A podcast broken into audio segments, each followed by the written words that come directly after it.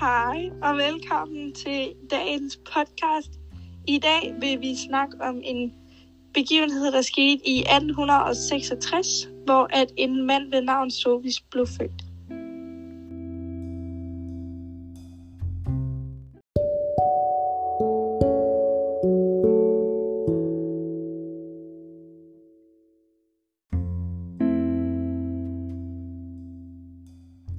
Sofus Schmidt er født i 1866.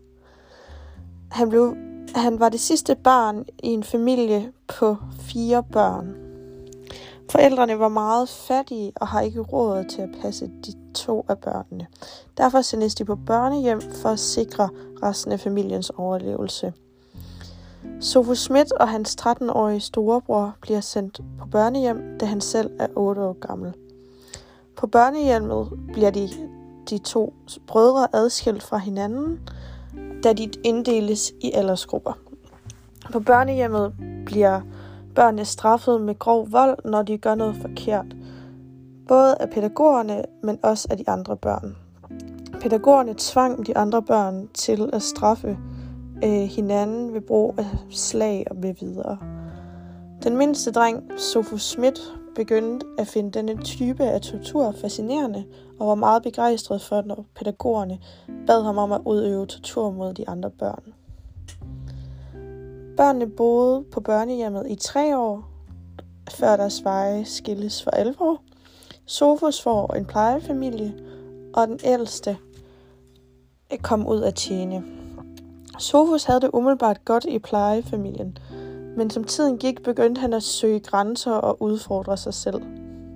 Da han blev ældre og forlod plejefamilien for at flytte hjemmefra, begyndte han at være mere og mere øh, voldelig over for andre mennesker, på samme vis som på børnehjemmet. I 1886, da Sofus er 20 år gammel, møder øh, Sofus Emma øh, sammen med hendes veninde. Sofus var meget interesseret i Emma og gik over for at snakke med de to piger.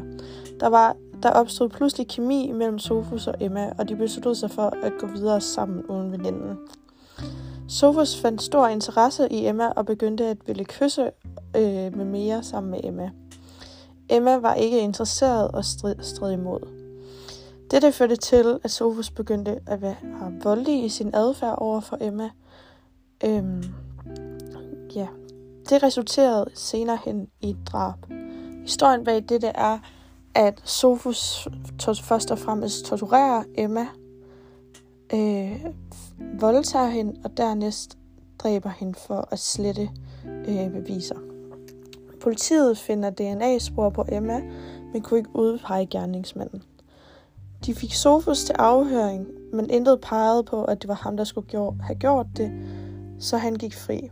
Emma havde kysset med flere drenge i en længere periode, og, øh, ind, og øh, havde ligesom stadig deres DNA. Sofus fortalte, at han fulgte hende hjem, hvor der kom en dreng, som kendte Emma godt, og de gik videre derfra.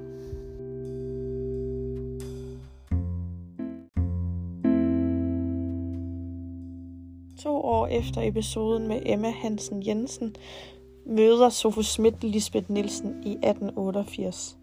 Lisbeth Nielsen er en pige på 17 år, som viser interesse for Sofus Schmidt, da han var en meget tiltrækkende mand. Han kidnappede hende og voldtog hende derefter og torturerede hende til døde. Men som tiden gik, blev han mere og mere tiltrukket af at torturere mænd frem for kvinder. Han var fortsat tiltrukket af mindreårige, og møder så Joachim Øllergaard 18, i 1899 nytårsaften. Joachim Øllergaard er 15 år gammel.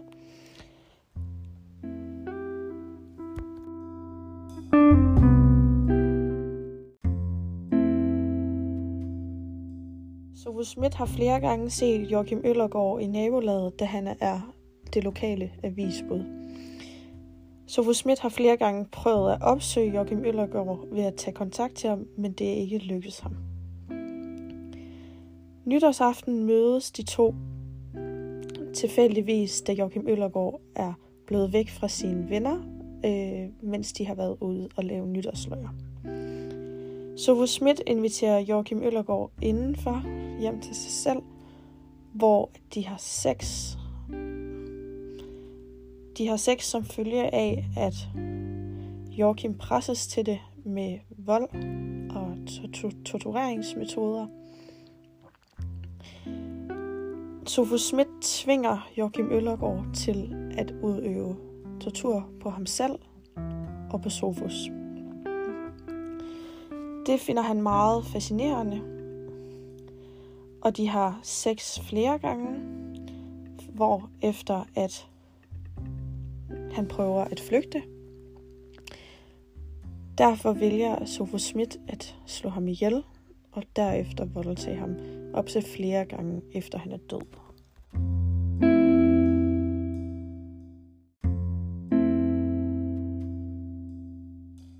Sofus Schmidt holder sig fra børn og unge mennesker i en periode på fem år, da han har fået et godt og velbetalt arbejde, som han er begyndt at gå meget op i. Men efter de fem års tid i 1903 sker der endnu et torturdrab begået af Sofus Schmidt.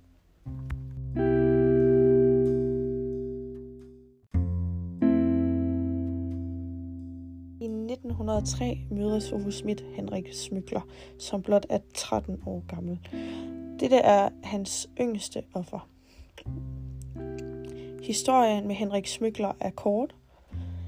De mødes på en klub, da Henrik Smykler har valgt at tage ud for at komme væk fra familien derhjemme, øhm, hvor han så finder sig en plads på den her klub.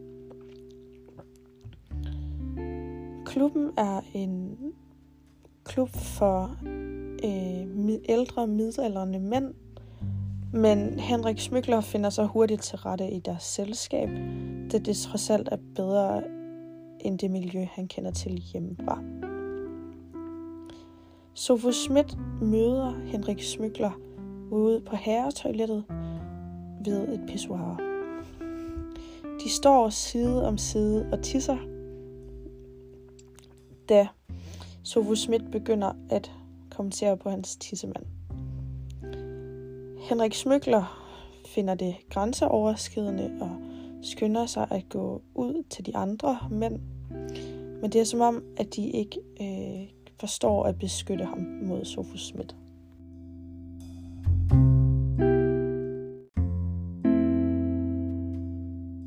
Schmidt narer Henrik Smykler til at tage, ham, tage med ham hjem. Her voldtager Sofus Schmidt Henrik Smykler, for derefter at dræbe ham og partere ham.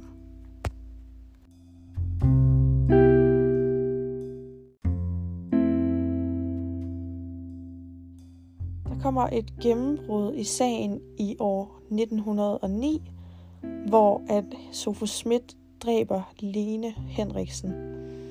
Her finder de DNA-spor, der forbinder alle de andre sager med denne sag. Sofus Schmidt kommer for retten og indrømmer selv drabene, da han er 43 år gammel. Han indrømmer, at han de sidste 23 år har dræbt fem personer. Han er yderligere mistænkt for fire drab, men der er endnu ikke fundet tilstrækkelige beviser herfor, og det er ikke nogen drab, som han selv omtaler.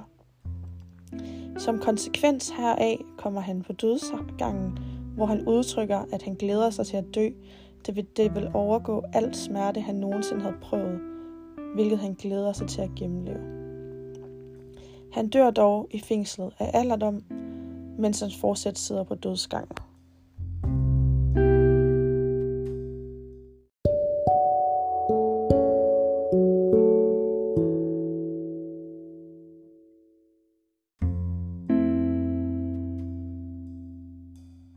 Man kan undre sig over, hvordan et menneske kan få sig selv til at begå så forfærdelige handlinger, som Sofus Schmidt egentlig gør. Hvad skyldes disse handlinger?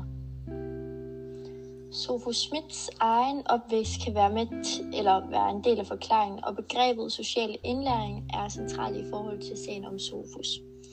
Der er nemlig en tydelig sammenhæng mellem Sofus egne oplevelser som barn og hans adfærd som voksen. Allerede som 8-årig udsættes Sofus for vold, og han ser andre børn, der straffes med vold. I agttagelsen og imitationen af pædagogernes voldelige handlinger er med til at stimulere aggressiv adfærd hos Sofus.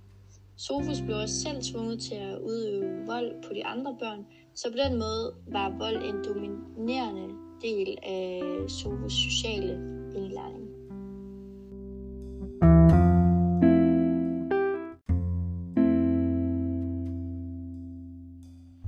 Det var alt, vi havde for denne gang. Se med i næste uge, hvor vi tager fat i en anden begivenhed om en mor, der stadigvæk er på fri fod den dag i dag. Hej!